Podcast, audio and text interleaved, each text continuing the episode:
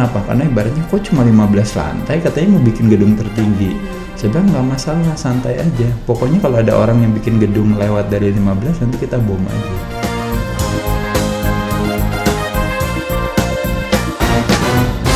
Oke, gimana kabarnya Sobat Minland? Seneng banget akhirnya hari ini kita boleh launch di episode pertama Yeay!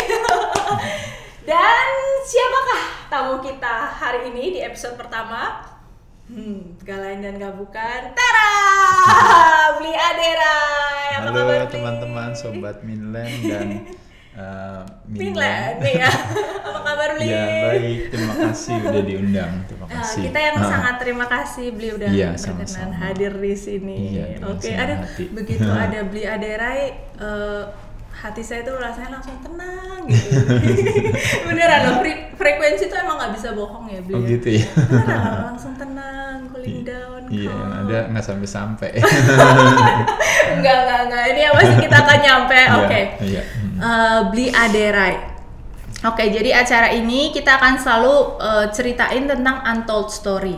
Hmm, Jadi iya. ada begitu banyak hal yang saya percaya eh, story di belakang setiap orang tuh banyak, tapi yang kelihatan Hmm. kan yang enak-enaknya aja, indah-indahnya aja di depan. Nah demikian juga dengan Bli. Oh gitu. Jadi iya. boleh dong Bli ceritain. Eh, sebelumnya boleh kali dari masa kecil Bli itu sebenarnya dari mana? Mungkin background family. Ya background familynya gimana? Kok bisa jadi atlet binaragawan seperti hari ini? Iya.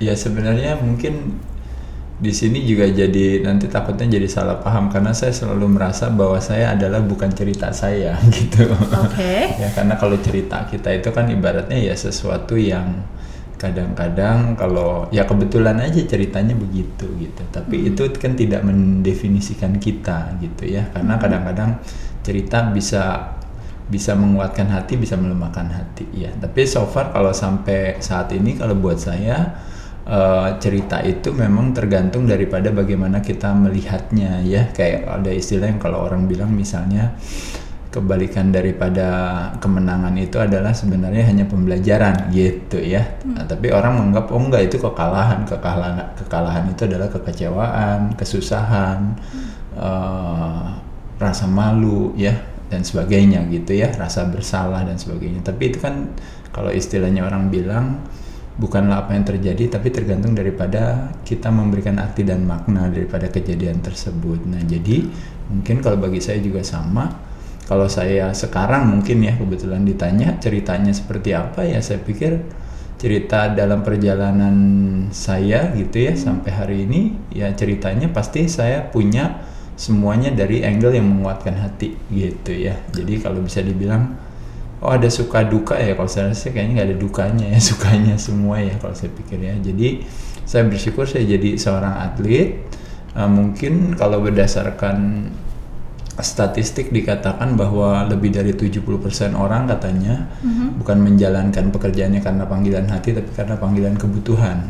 Ya. Bukan berarti mereka nggak sukses, tapi lebih kepada memang bukan panggilan hatinya aja di sana dan mereka akhirnya terpaksa harus mencintai pekerjaannya hanya demi uh, Kebutuhan. mem- uh, karena pemenuhan kebutuhannya terjadi.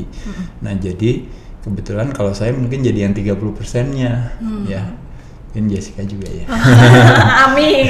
Iya, jadi em, apa? Saya bersyukur dari dulu senang olahraga, eh taunya jadi olahragawan gitu ya. Kayaknya ses- segampang itu ceritanya ya.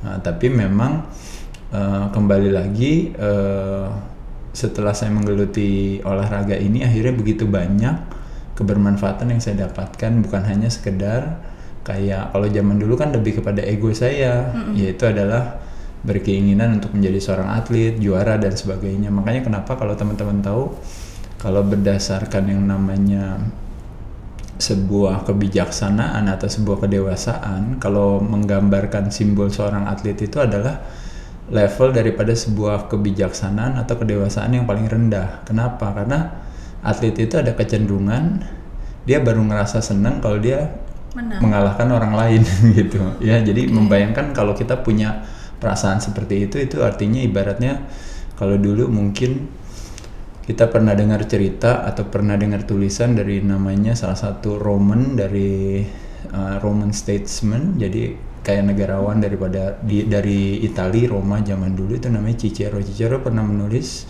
judulnya adalah Six Mistake of a Man artinya enam kesalahan daripada manusia yang sering kita lakukan termasuk kita semua ya bukan cuma termasuk Cicero-nya juga menurut Ya. dia. Nah salah satu mistake pertama yang dia bilang itu adalah sebuah ilusi yang kadang-kadang sebenarnya hanya sebuah ilusi tapi itu yang kita lakukan ketika untuk membuat kita feeling better we need to crush others jadi untuk membuat kita merasa feeling better kalau bisa kita rendahin orang lain gitu contoh paling gampang sederhana misalnya cerita misalnya gini eh, yuk eh, Minland ya Ya. jadi uh, Minland sama saya, Ya. yuk kita bikin yuk gedung tertinggi di Kelapa Gading ceritanya ya. Ketika Ya. kita bikin gedung tertinggi di Kelapa Gading, oh ya, yuk yuk kita bikin gedung tertinggi. Tapi pas uh, Minland nanjang ke saya, uh, beli adek, yuk kita bikin mau berapa lantai nih kalau kita mau jadi gedung tertinggi di Kelapa Gading. Saya bilang, ya 10 lantai lah atau 15 lantai juga nggak apa-apa. Kan langsung bingung. Karena kenapa? Karena ibaratnya kok cuma 15 lantai katanya mau bikin gedung tertinggi. Saya bilang nggak masalah, santai aja. Pokoknya kalau ada orang yang bikin gedung lewat dari 15 nanti kita bom aja. Nah, ini maksudnya menggambarkan betapa konyolnya kita. Ya. Istilahnya adalah bahwa untuk membuat gedung tertinggi kan harusnya ibaratnya ya kalau bisa setinggi-tingginya lantai berapa? Lantai 100 gitu misalnya atau berapa. Tapi yang ada kita kecenderungannya adalah ibaratnya bikin gedungnya juga rendah, tapi pokoknya kalau sampai ada orang yang lain yang lebih tinggi dari kita, yuk kita tinggal robohkan saja dia. Dan itulah yang sebenarnya yang dikatakan oleh Cicero, yaitu adalah bahwa inilah kesalahan kita yang paling sering, yaitu adalah to makes us feel better, we need to crush others. Padahal itu adalah sebuah ilusi. Nah itulah yang sebenarnya dilakukan oleh para atlet olahraga di seluruh dunia, termasuk di Indonesia, termasuk oleh saya, yaitu adalah bahwa untuk saya feeling better, saya harus ngalahin semua orang. Setelah saya juara, baru saya feeling better. Padahal kalau ditanya, eh, waktu saya sehari sebelum saya juara, sebelum mengalahkan orang lain, sama sehari setelah mengalahkan orang lain, kualitas diri saya kan sebenarnya sama. Iya. Tapi ibaratnya kalau ada istilah yang mengatakan kebalikan daripada sebuah kebenari- eh, keberanian bukan semata-mata ketakutan tapi adalah kebutuhan kita untuk selalu ingin mendapatkan satu approval atau mendapatkan satu konfirmasi. Nah, kebetulan dalam hal seorang atlet itu konfirmasinya tuh didapat dari piala. Hmm, Nah, ya. jadi bisa bayangkan atlet itu di mana-mana termasuk saya adalah seorang yang sangat pengecut. Kenapa? Karena dia nggak berani untuk bilang bahwa saya I'm a champion gitu. Either saya compete or not compete, either saya menang kompetisi atau kalah kompetisi, I am a champion karena memang pada dasarnya saya adalah seorang juara. Iya. Tapi dia nggak berani ngomong gitu. Dia butuh piala untuk membuktikan kepada diri dia sebagai sebuah konfirmasi untuk bilang bahwa saya juara gitu. Nah jadi eh, inti cerita ini sebenarnya hanya saya cuma mau bilang adalah betapa sebenarnya menjadi seorang atlet itu kadang-kadang salah paham gitu. Iya. Da, tapi belakangan eh, saya menyadari adalah bahwa mungkin saya punya definisi yang lebih baru lagi yaitu dalam arti bahwa oh ternyata yang namanya true victory itu is not how good we are compared to others but is is how good we are compared to we used to be. Ya, Bahwa kompetisi itu adalah bukan saling mengalahkan tapi sebenarnya adalah is not a competition but is a cooperation gitu. Artinya adalah berkonspirasi bersama untuk maju bersama. Gara-gara ada sebuah kompetisi pertandingan akhirnya kita semua berusaha untuk latihan lebih keras, lebih baik. Gara-gara ada sebuah kompetisi, kita punya kegiatan usaha, kita berusaha untuk juga membangun kegiatan usaha kita dengan baik. Kalau seandainya kita punya sebuah produk, kita berusaha untuk mengupgrade produk kita dengan baik. Kayak saya misalnya punya gym, seberang saya tahunya ada gym lagi yang lain, sebelah kaki kirinya ada gym lagi yang lain. Tapi karena ada sebuah kompetisi, akhirnya kita berlomba-lomba untuk memberikan kebaikan bagi members kita. Dan Iya. apa yang terjadi ternyata kualitas pelayanannya jadi semakin bagus dengan harga yang sama-sama terjangkau bahkan kadang-kadang harganya jadi benar-benar sangat terjangkau karena adanya sebuah kompetisi itu. Nah, mungkin makna daripada kompetisi adalah seperti itu. Dan kita bersyukur akhirnya ketika kita menjadi seorang atlet ternyata kita mengalami hal tersebut. Jadi kita mendapatkan pembelajaran itu. Tapi waktu lagi muda mungkin nggak punya pemahaman itu. Pemahamannya adalah ibaratnya kalau bisa siapa aja kita kalahin ya kalau bisa ya. Nah pada saat itu jadi salah pahamnya di sana. Oke, menarik. Jadi kalau dulu muda kan Bli belum menyadari itu semua ya, masih punya Betul. pemikiran seperti yang tadi before-nya, Betul. sampai akhirnya bisa menjadi Bli yang hari ini, after-nya. Pasti ada dong yang namanya turning point-nya, yang Hmm. mengubah seorang Aderai dengan sudut pandang yang Hmm. seperti dulu menjadi seperti sekarang. Betul betul. Apa itu turning point-nya? Ya sebenarnya bukan turning point tapi saya rasa setiap orang juga makin lama makin tumbuh dan berkembang kan ya. Dan kadang-kadang kalau dulu orang bilang oh saya baru akan happy kalau seandainya dari dulu saya punya motor eh, 100 cc bisa punya motor 250 cc. Begitu punya motor 250 cc saya baru happy nanti kalau seandainya saya punya mobil. Ya. Begitu saya punya mobil kalau bisa mobil saya jangan 1000 cc kalau bisa 2000 cc. Dan Habis begitu 2000 cc seterusnya. dan seterusnya Iya. ya.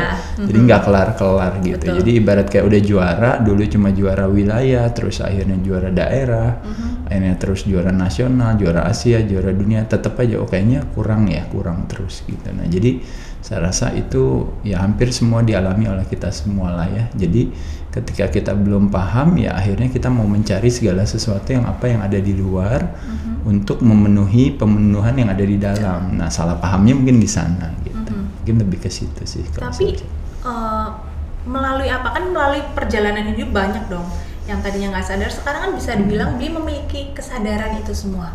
Ya mungkin kalau saya lebih bisa mengatakan kepada teman-teman sekalian adalah bahwa kelaparan terbesar itu sebenarnya adalah kelaparan akan arti dan makna. Nah jadi makanya setiap kita mau melakukan sesuatu akan lebih menyenangkan kalau kita paham. Nah karena paham atau pemahaman itu adalah sebenarnya fondasi daripada sebuah kepatuhan. Nah jadi contoh yang paling gampang aja sederhana. Kayak kita tahu apa yang saya mau. Misalnya saya mau badannya sehat. Saya mau ibaratnya badannya langsing. Sekarang ini banyak orang kegemukan ya. Kegemukan atau overweight atau obesitas menjadi salah satu penyebab daripada kesakitan dan juga prematur kematian. Gara-gara obesitas hampir semua orang ya. Bahkan kalau di luar negeri itu bisa jadi lebih dari 50% orang di umur 40 50 tahun itu kadang-kadang sudah ketergantungan sama obat ya apakah karena hipertensi, diabetes, apakah karena kolesterolnya tinggian, apakah karena ini karena itu yang memang salah satu penyebabnya adalah karena kegemukan. Nah, akhirnya mencari berbagai cara untuk bagaimana caranya supaya biar bisa kurus gitu. Iya. heeh. Nah, membayangkan kalau kita nggak punya pemahaman akan arti dan makna tentang kenapa mau kurus, itu kan bisa salah strategi jalannya kan gitu Iya. ya. Jadi akhirnya ya udah saya nggak makan atau nggak ya udah saya ngelakuin ini gitu atau apa, tapi akhirnya mengorbankan dirinya, akhirnya terjadilah perlawanan hati yang terakhirnya mungkin bisa jadi kurus, tapi habis itu nanti Malah sakit. otomatis jadi kualitas kesehatannya jadi menurun, Menurun, jadi apa terakhirnya iya. disalahinnya keinginan kurusnya padahal keinginan kurusnya kan sebenarnya bagus gitu ya tapi nanti yang iya jadi salah paham jadi saya pikir sebenarnya mungkin kalau yang bisa saya sampaikan sama sobat Minland sebenarnya hanya lebih kepada apa pun juga ya termasuk juga kita dalam melakukan sesuatu. Kayak saya dulu juga mau jadi seorang atlet. Apa sih sebenarnya? Kenapa mau jadi seorang atlet? Apakah karena lack of apresiasi dari diri saya ketika ibaratnya wah saya nggak dihargai apa-apa nih gitu ya. Dalam hidup akhirnya saya mencari penghargaan itu dengan cara menunjukkan kemampuan saya untuk supaya saya dihargai. Tapi padahal kenyataannya sebenarnya kebutuhannya apa sebenarnya untuk dihargai juga gitu? Apakah memang sampai sebutuh itu gitu? Sampai ibaratnya kayak sering kalau teman-teman lihat itu banyak orang yang kadang-kadang merasa semangat untuk melakukan sesuatu karena merasa dihina oleh orang misalnya Ya, seperti itu kan ya. Padahal sebenarnya kalau ya itu sih cerita klasik umum lah. Saya dulu dihina ini apa makanya saya kerja keras. Terakhir saya sukses lihat tuh orang yang menghina saya tuh gitu. Sekarang siapa yang tertawa terakhir? Kan gitu ceritanya. Tapi itu menurut saya juga sebenarnya bukan sesuatu yang baik adanya juga. Kenapa? Gitu. Karena akhirnya apa kata orang itu menjadi lebih penting daripada apa kata kita sendiri gitu.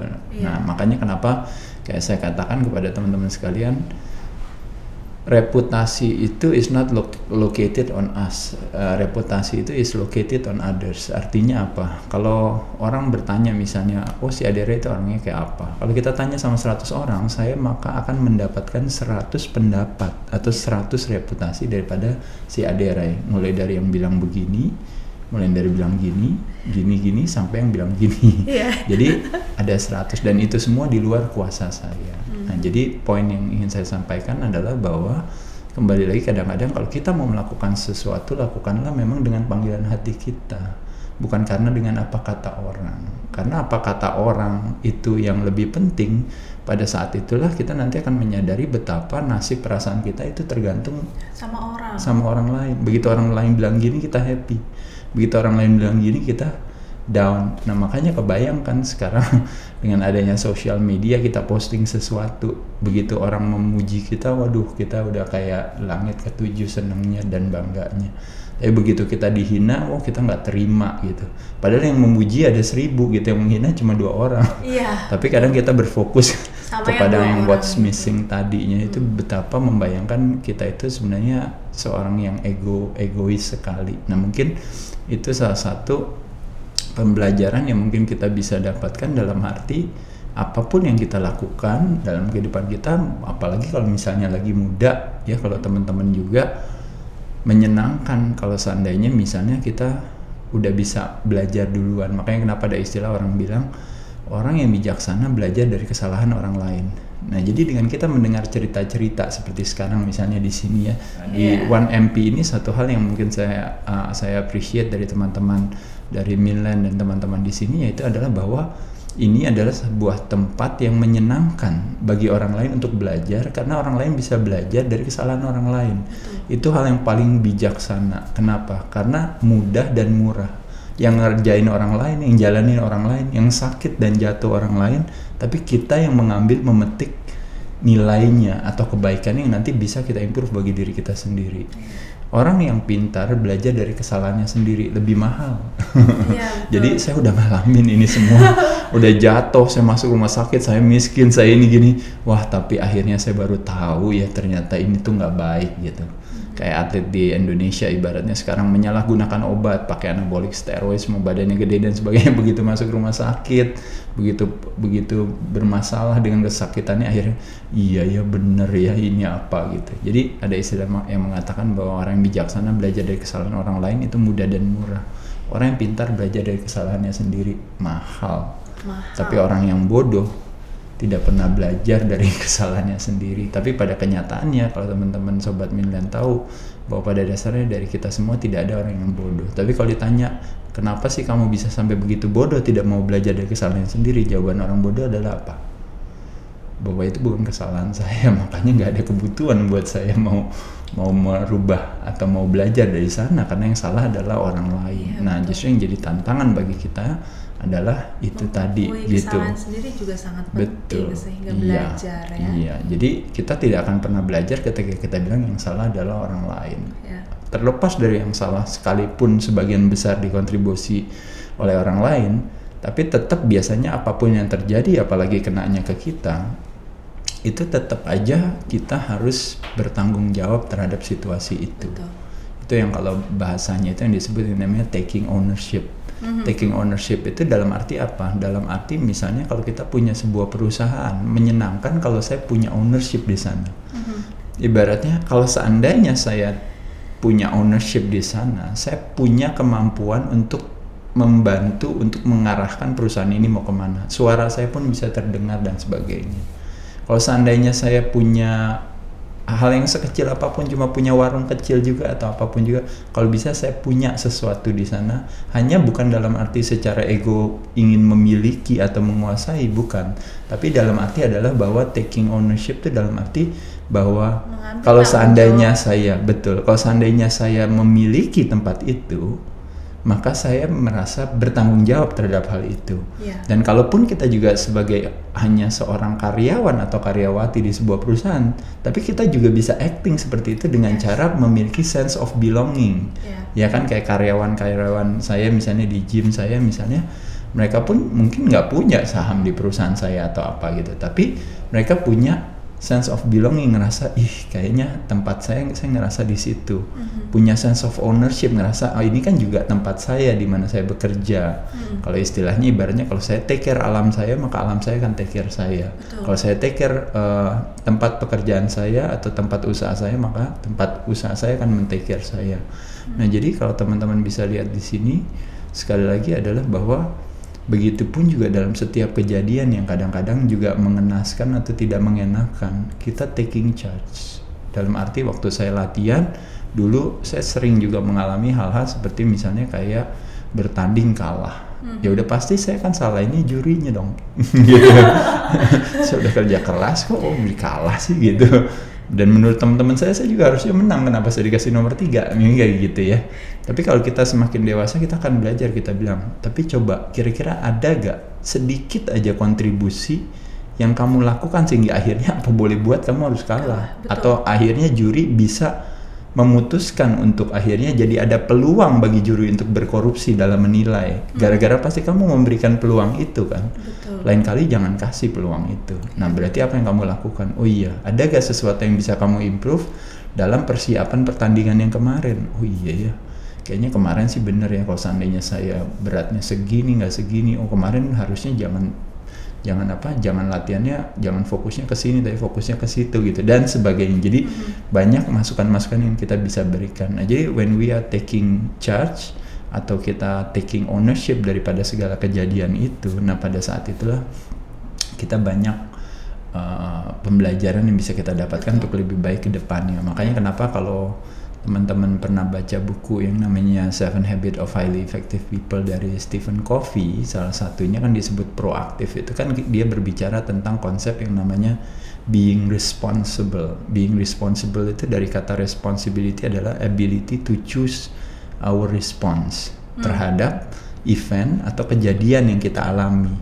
Nah, bayangkan kalau kita bisa tidak menjadi seorang yang reaktif tapi menjadi seorang yang responsif. Oh maka kita cukup taking a deep breath sedikit, tarik napas sejenak untuk memberikan jarak sedikit untuk sebelum kita bereaksi, kita tarik napas dulu sejenak aja mundur. Mm-hmm.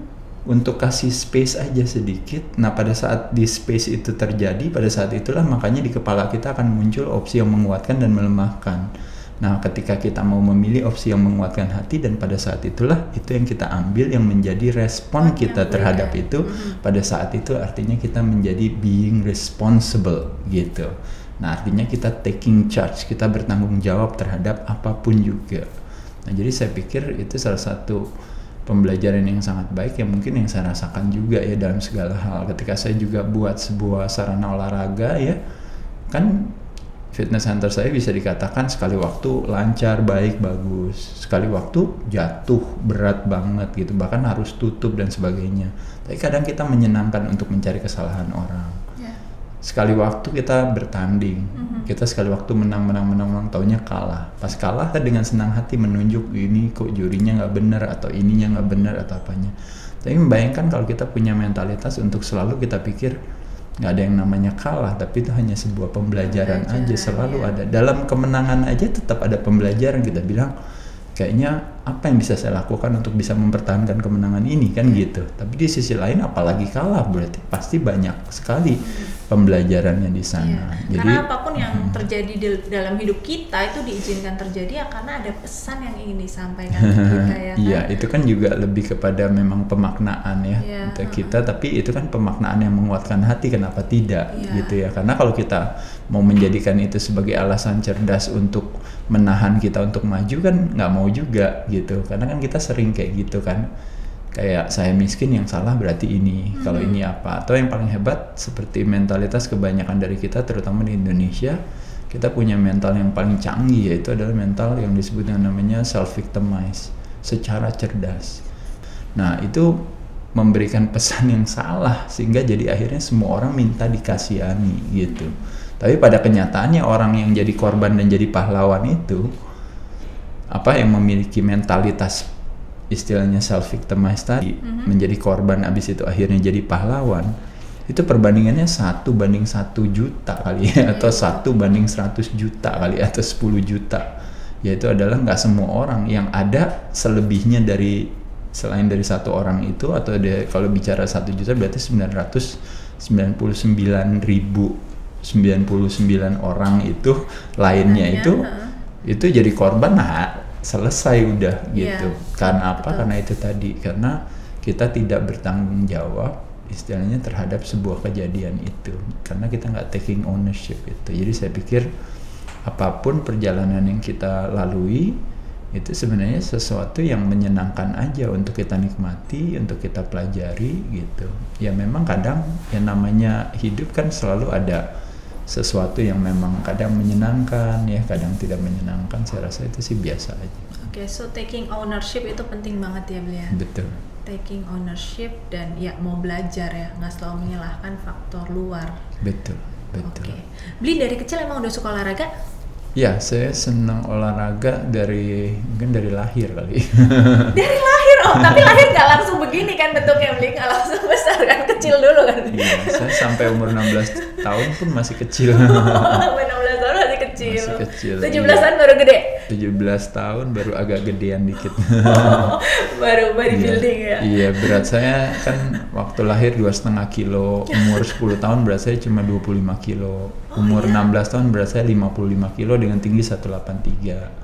Jadi kan kurus sebenarnya. Iya, iya, iya, iya. Anak sekarang umur 10 tahun beratnya 45 kilo, saya beratnya 25 kilo. Iya, kecil banget. Terus tapi dari kecil padahal udah seneng olahraga. Olahraga Iya apa? Bli? senang olahraga. Iya saya olahraga dari kecil udah bela diri kan ikut judo, ikut karate, silat. Lalu saya sempat jadi pemain bulu tangkis dari umur 8 tahun sampai umur 17 tahun lah. Ya kurang lebih hampir 9 tahun, 10 tahun jadi pemain bulu tangkis.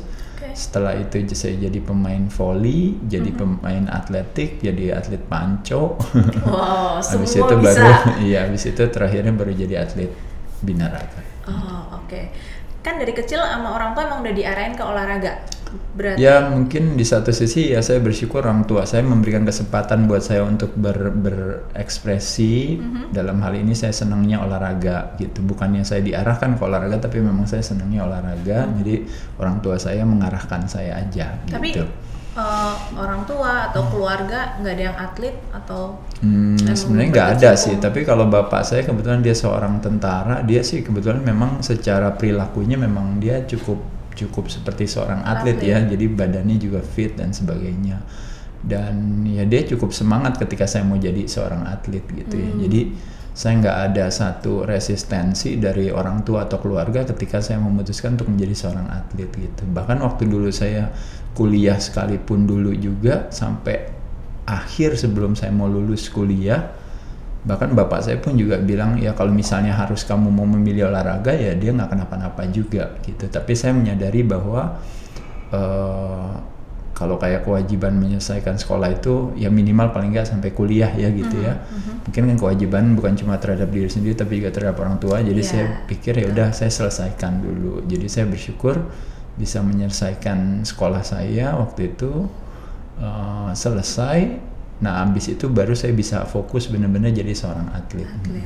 Beli itu berapa saudara ya? empat nah, Empat. berempat. Beli nomor? saya nomor dua Nomor ya. dua. Yang lainnya ada yang berkecimpung di dunia kesehatan dan olahraga juga atau cuma Nggak ada sih. Oh yang lain totally nggak ada bener-bener beli doang. ya nggak ada tapi mereka sih semua hampir rata-rata pola hidupnya sih sehat ya Nah, teman apa uh, adik-adik saya sama ibu saya cuma kakak saya aja yang overweight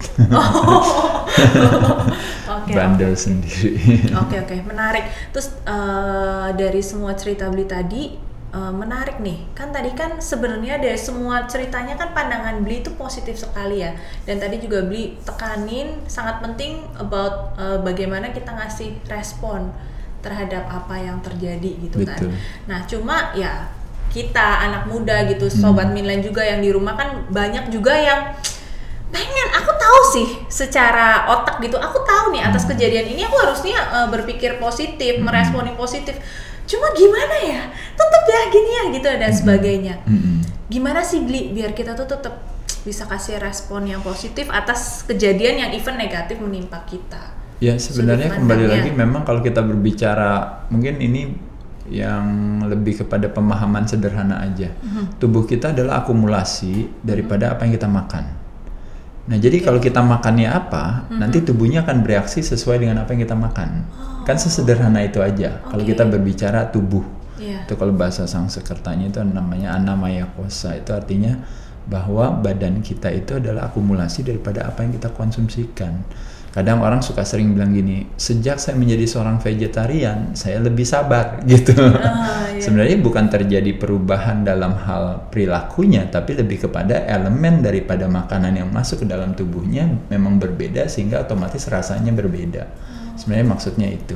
Begitupun juga dengan dengan bentuk badan saya yang seperti ini dengan usia saya yang sudah lumayan gitu ya saya udah setengah abad gitu wow, dengan tapi nggak kelihatan ya, nggak kelihatan ya. ya dengan orang 50 tahun yang lainnya bentuknya berbeda Mhm. bukan karena perilaku atau misalnya personalitasnya masing-masing kita berbeda tapi hanya lebih kepada apa yang saya makan melalui mulut saya dengan apa yang mereka makan melalui mulut mereka kebetulan berbeda makanya jadi bentuknya berbeda Oh, kan lebih ke sana. Nah, begitupun juga yang maksud saya sampaikan tadi menjawab pertanyaan Minlan adalah pikiran kita pun juga sama. Pikiran kita itu ibarat seperti sebuah tong gitu ya, sebuah tong atau sebuah kontainer Mhm. di mana kontainer itulah yang akan menjadi tempat di mana yang diisi itu itulah yang akan kadang-kadang sering menjadi kita suka membuat satu identifikasi dengan isi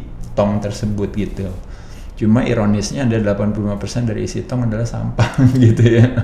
Nah jadi makanya membayangkan betapa kita ini tuh rasanya tuh nggak seneng terus, Iya, iya, rasanya iya. nggak puas, rasanya nggak suka dengan ini, nggak suka dengan itu gitu karena kita membuat satu identifikasi dengan isi pikiran kita yang mostly are unnecessary, unimportant, 85% negativity, 90% unreliable. Jadi bisa bayangkan makanya kenapa kalau kita berbicara pikiran kita, kita mesti lebih cerdas atau lebih pintar untuk bilang bahwa ya udah pikiran itu adalah bukan isi pikiran adalah sesuatu yang kita tidak akan pernah bisa kontrol.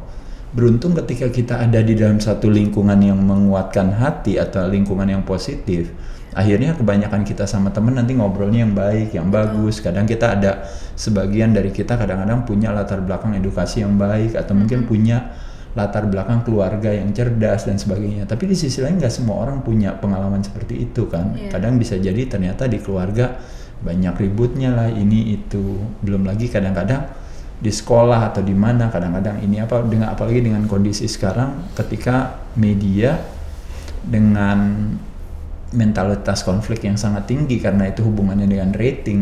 Jadi akhirnya kita setiap hari dibombardir dengan dengan budaya konflik itu yang pada dasarnya nanti akhirnya justru malah melemahkan daya ta- daya tahan tubuh kita gitu ya. Tapi membayangkan isi pikiran kita yang seperti itu tadi, kita salah paham.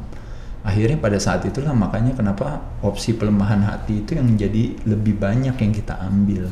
Nah makanya yang ingin saya sampaikan sama teman-teman sekalian kadang-kadang jangan terlalu percaya juga dengan apa yang kita pikirkan gitu. Karena apa yang kita rasakan hari ini sebagai sebuah kayak pelemahan hati bisa jadi salah gitu loh. Nah itu yang tadi saya katakan waktu saya bertanding saya kalah.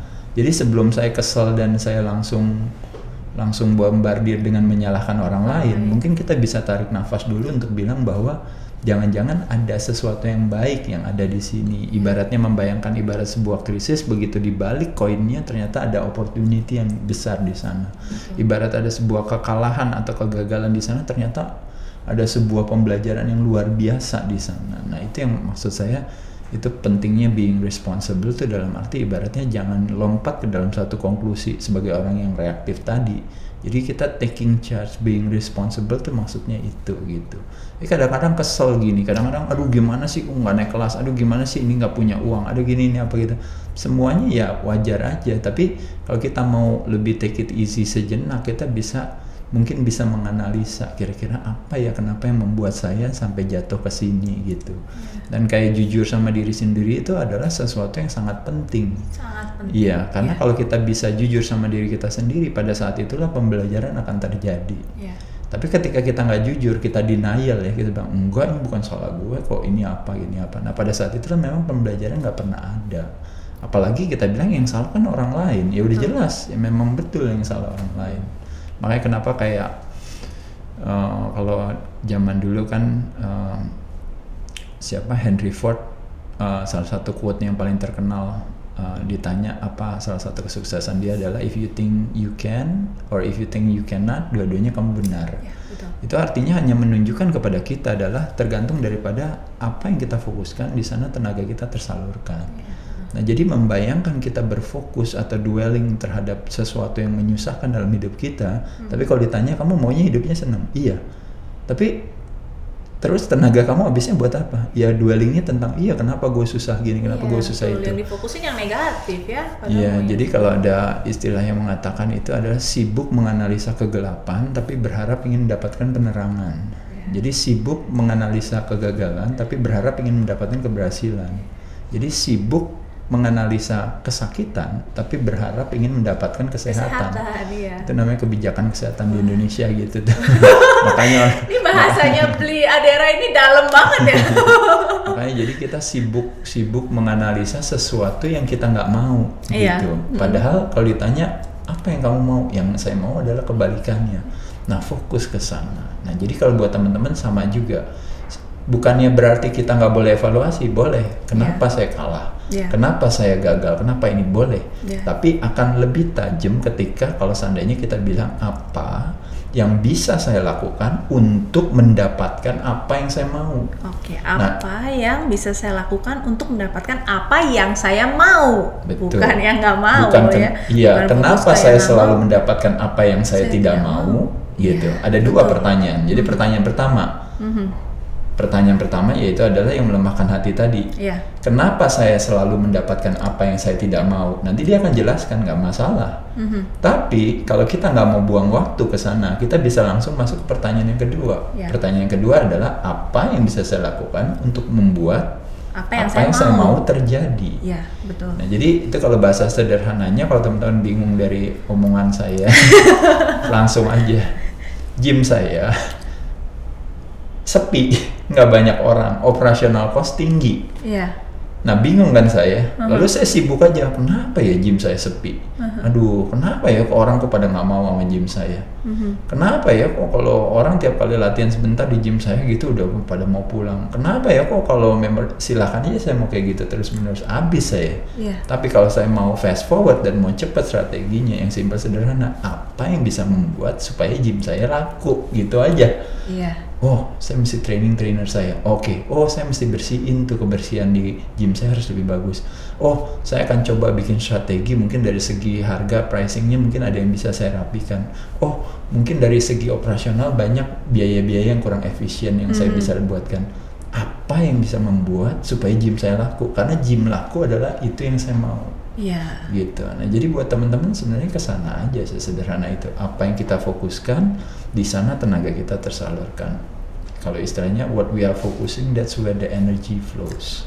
Flowsnya ke sana. Nah, kebanyakan kita energinya habis ke sesuatu yang kita nggak mau dan itu adalah udah udah budaya Nusantara kalau saya bilang. iya, Artinya apa? Yang ingin saya mau sampaikan kepada maksudnya kenapa saya bilang dalam tanda kutip ya budaya Nusantara itu maksudnya dalam arti gini. Kita ini sibuk dibombardir dengan berita-berita semua yang melemahkan hati dalam segala hal. Padahal negara ini kepengennya sesuatunya kan yang sejahtera, Sejahtera, yang kuat, yang maju, menang dan sebagainya. berjaya, ya. Tapi kita hanya sibuk hanya dengan perkelahian kita sendiri. Nah itu makanya yang beratnya tuh di sana buat Hmm. kita. Nah mungkin kembali lagi kalau kita berbicara soal eh, kebetulan di bidang saya ya kesehatan. Nah kalau kita, kita bicara di bidang kesehatan, saya sering suka tanya sama teman-teman atau misalnya mungkin eh, kalau saya kadang sering bikin seminar atau talk show atau bahkan saya sekarang lagi ngobrol ya sama Minland saya tanya Minland mau gak dalam tiga hari kualitas kesehatan Minland itu meningkat 15% mau gak?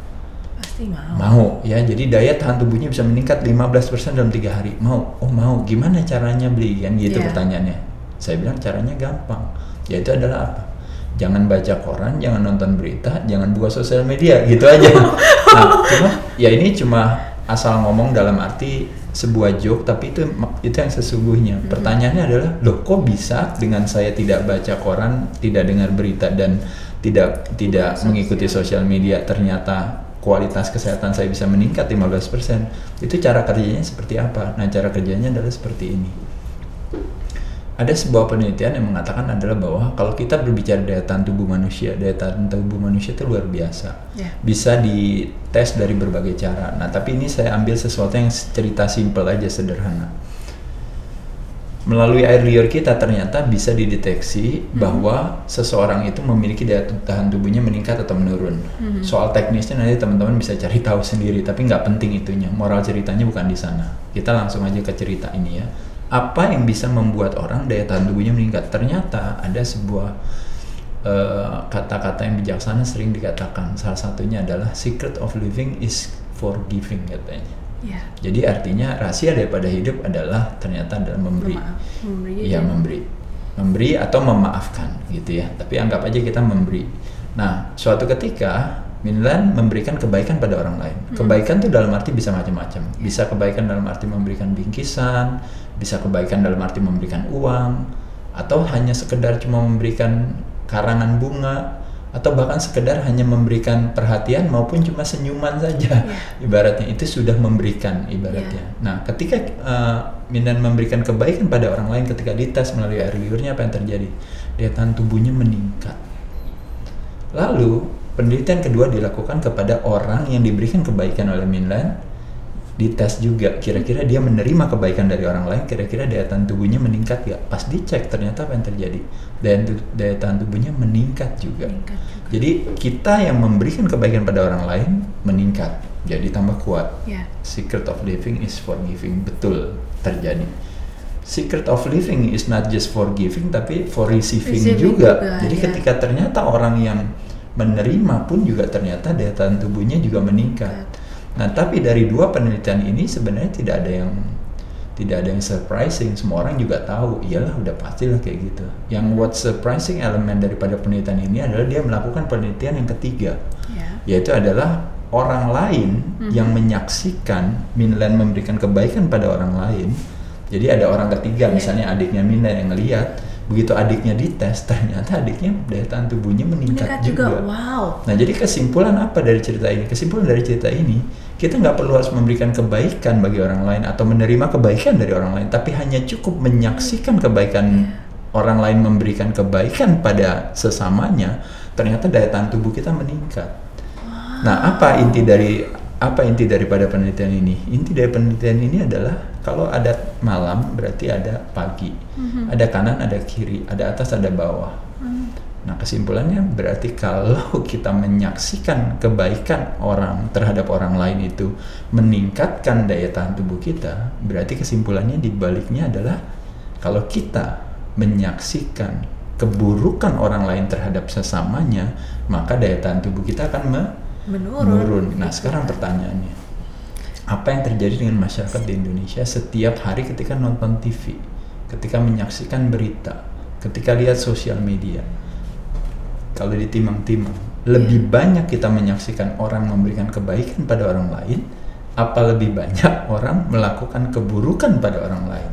Jawabannya adalah kalau berdasarkan rating media, memberikan kebaikan pada orang lain itu ratingnya rendah. Yeah. Tapi ketika ada satu orang berpolemik atau berselisih antara satu orang dengan orang lain, antara satu satu pihak dengan pihak lain, antara satu suku dengan suku Langsung lain, viral. agama dengan agama lain, satu partai dengan partai lain, ya itu langsung menyenangkan sekali buat dijadikan sebagai sebuah tontonan. Bahkan beberapa acara-acara TV di Indonesia itu acaranya itu acara pertempuran itu antara satu orang dengan orang lain itu akhirnya jadi menarik bagi kita untuk menyaksikan. Tapi yang tidak disadari adalah apa? Terjadi sebuah penyebaran apa? Penyebaran kelemahan daya tahan tubuh. Yeah. makanya akhirnya apa? Akhirnya ketika ada apa dikit aja udah pasti sakit-sakitan tubuhnya. Hmm. makanya ketika bayangkan masyarakat di Indonesia pada sakit-sakitan seperti ini Sejak 2014, negara memiliki satu itikat mulia memberikan biaya penggantian pengobatan bagi masyarakat yang melalui program jaminan kesehatan nasional.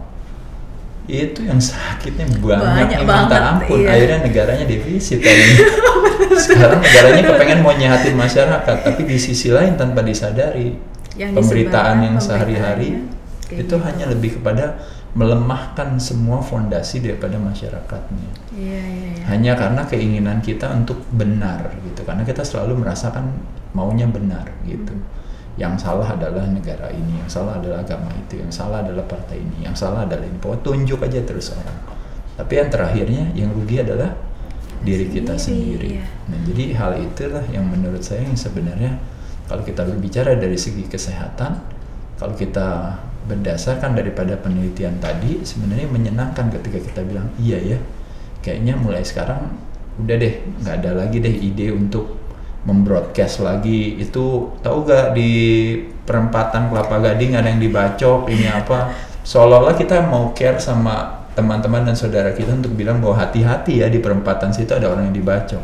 Tapi tanpa kita sadari kita sebenarnya sedang melemahkan daya tahan tubuh mereka dengan cerita ini yang padahal sebenarnya cerita ini nggak ada manfaatnya juga buat kita diceritain nggak diceritain juga Iya. nggak ada pengaruhnya sebenarnya gitu Iya. tapi kita senang aja seperti itu eh kamu tahu gak dulu ada orang yang di eh, ada bayi yang dibunuh sama ibunya di Meksiko tahu gak kayaknya ibaratnya kenapa kita jadi harus tahu gitu Iya, padahal lo jauh di sana dan nggak mau pengaruh hidup kita juga gitu. Iya, ya. kalaupun juga jadi kalau istilahnya orang bilang ibaratnya tidak ada yang perlu dikhawatirkan. Iya. Kenapa? Kalau seandainya kamu tidak bisa berbuat apa-apa ya udah kamu nggak usah khawatir. Iya. Tapi kalau seandainya kamu bisa melakukan sesuatu terhadap ibu itu di Meksiko dan kamu bisa bantuin mereka ya nggak usah khawatir juga Iya, ya kamu pergi just aja it, terbang iya. ke sana jalanin aja Iya, gitu. Jadi sekali lagi intinya sebenarnya adalah kekhawatiran dan ketakutan itulah yang sebenarnya yang kalau bisa kita hindari gitu. Oke, menarik ya. Jadi pertama dari eh, badan dulu. Ternyata apa pun yang kita makan itu bereaksi dalam tubuh kita. Makanya kenapa uh, kita harus cerdas untuk memilih sumber, penyajian, memilih frekuensi, memilih dosis atau jumlah sesuai dengan ini. Makanya kenapa uh, salah satu tantangannya daripada masyarakat di Indonesia itu kalau kita berbicara dalam kecerdasan akan keuangan kita tinggi, tapi kecerdasan dalam kesehatan itu rendah. Kenapa? Karena kita sewenang-wenang Sama memasukkan kita, ya ya. sama mulut kita. Sama mulut kita. Jadi mulut kita sumber kesehatan dan sumber kesakitan. Jadi Iya. membayangkan kalau seandainya anggap aja teman-teman eh, sobat Minland anggap aja nih ceritanya baru berhasil punya prestasi dikasih bonus misalnya motor Hmm. 250 cc motor keren ya gitu ya ceritanya.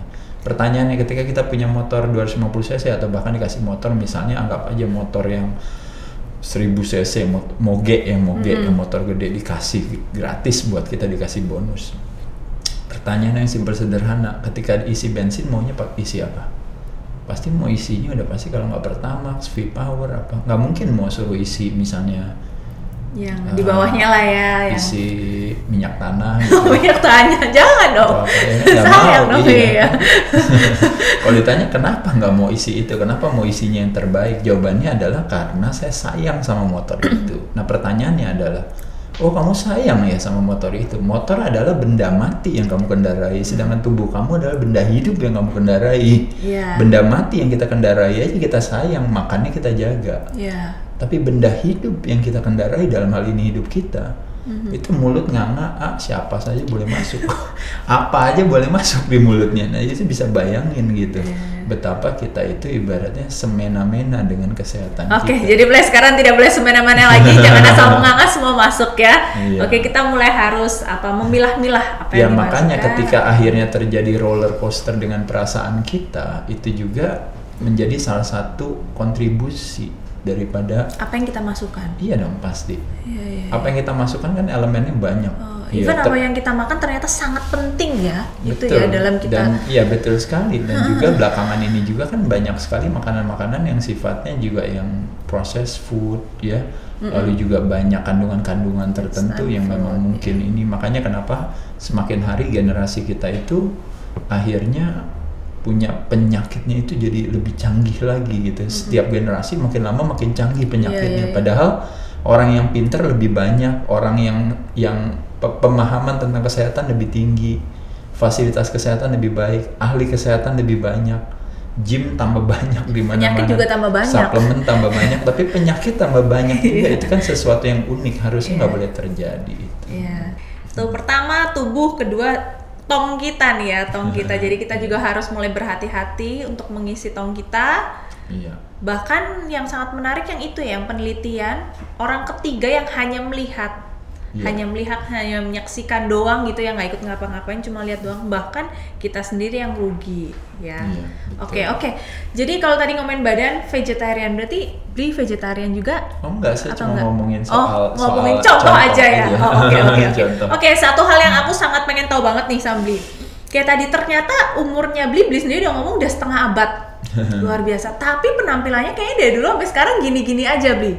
Nah yang eh, luar biasa banget gitu ya menurut aku adalah bagaimana Bli bisa begitu konsisten dan punya komitmen yang sangat tinggi, punya badan dari dulu sampai hari ini masih seperti ini. Karena Hmm. kita nggak heran ya banyak orang badan juga bagus-bagus dan ya sedemikian. Cuma eh, setelah sekian lama mereka ya beda lah eh, badan gua di zaman dulu muda sama sekarang dan Ya mungkin sebagainya. kalau saya rasa sebenarnya lebih kepada ke pemahaman tadi dalam arti kalau saya sih cuma bilangnya adalah bahwa standar kita terhadap badan juga itu rendah gitu. Ada istilah yang mengatakan bahwa bahaya terbesar adalah bukan ketika kita memiliki cita-cita yang tinggi dan kita tidak mampu meraihnya, tapi bahaya terbesar adalah ketika kita memiliki cita-cita yang rendah, itu yang kita yakini dan itu yang kita lakukan.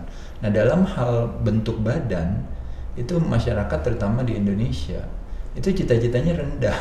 Sehingga jadi orang umur 50 tahun bentuknya seperti saya dianggap prestasi padahal yang saya katakan bukan saya yang awet muda tapi orang lain yang umur 50 tahun yang lainnya yang cepat tua Hmm, oke. jadi karena mereka nggak jaga kesehatannya Iya, mereka iya. sembarangan mereka nggak gerak dengan cukup sehingga jadi seolah-olah sayanya berprestasi padahal mungkin jangan-jangan pernahkah teman-teman berpikir bahwa jangan-jangan ternyata bukankah ternyata saya yang normal anda yang abnormal gitu. Tapi yang terjadi kan jadi kebalik. Iya. jadi seolah-olah saya jadi tidak normal dianggap luar biasa. Luar seolah-olah dalam arti asosiasi luar biasanya yang yang yang positif gitu ya. Iya. tapi saya tidak menganggap seperti itu karena menurut saya saya pikir simple sederhana saya punya cita-cita yang tinggi dalam hal kesehatan orang lain cita-citanya rendah. Bukankah kalau udah 40 tahun itu sakit berarti udah siap-siap ya itu downhill ya?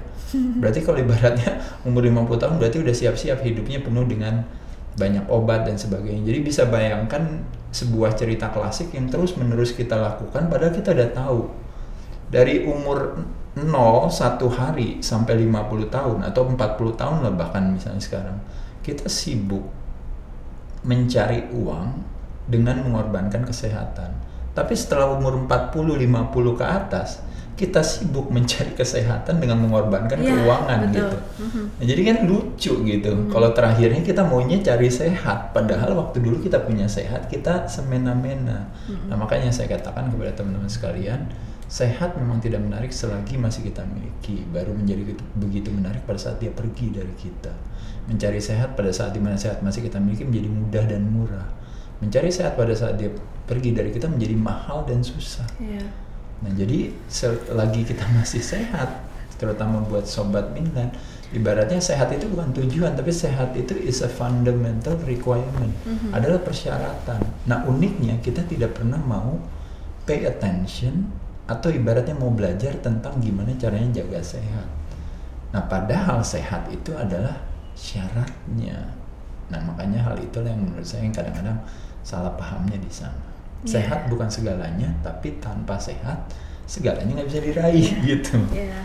Mungkin Iya. itu yang saya pikir ketika saya punya pemahaman itu, ya akhirnya konsekuensi akhirnya saya bisa jadi jauh dari sakit, punya kemandirian sehat dan sebagainya. Akhirnya itu yang saya syukuri yang menjadi konsekuensi saya hari ini. Ya karena dengan sehat jadi bisa ngelakuin semuanya. Betul. Tanpa kesehatan ya semuanya juga jadi nggak ada artinya. Betul. Oke, jadi thank you so much Bli buat sharing yang luar biasa. Iya, kita tarik dulu yang pertama. jadi ternyata kalau ngomongin kesehatan yang kita belajar dari Bli Aderai, nggak cuma ngomongin soal fisik semata. Karena ternyata eh, dari apa yang kita makan, apa yang kita masukkan ke mulut kita, ke tubuh kita, daya tahan tubuh kita bahkan juga dipengaruhi dari apa yang kita masukkan ke tong kita yang tadi bilangnya tong dan apa yang kita lihat.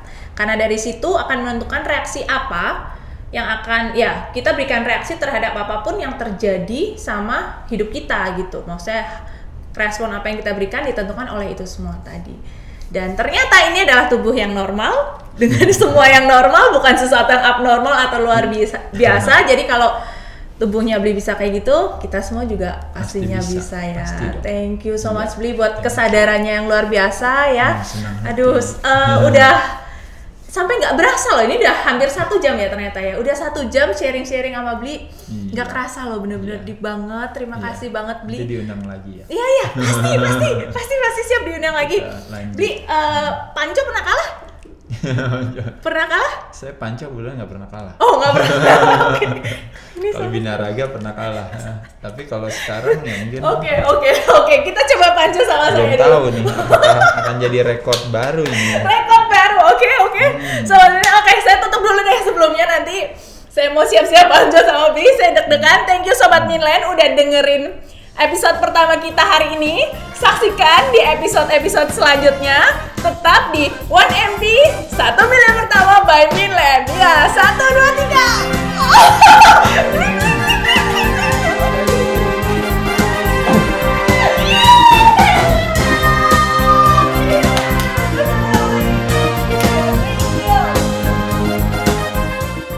Terima kasih sudah mendengarkan podcast kita. Sampai jumpa di episode-episode selanjutnya. One MP, satu nilai pertama by Minler. Bye-bye!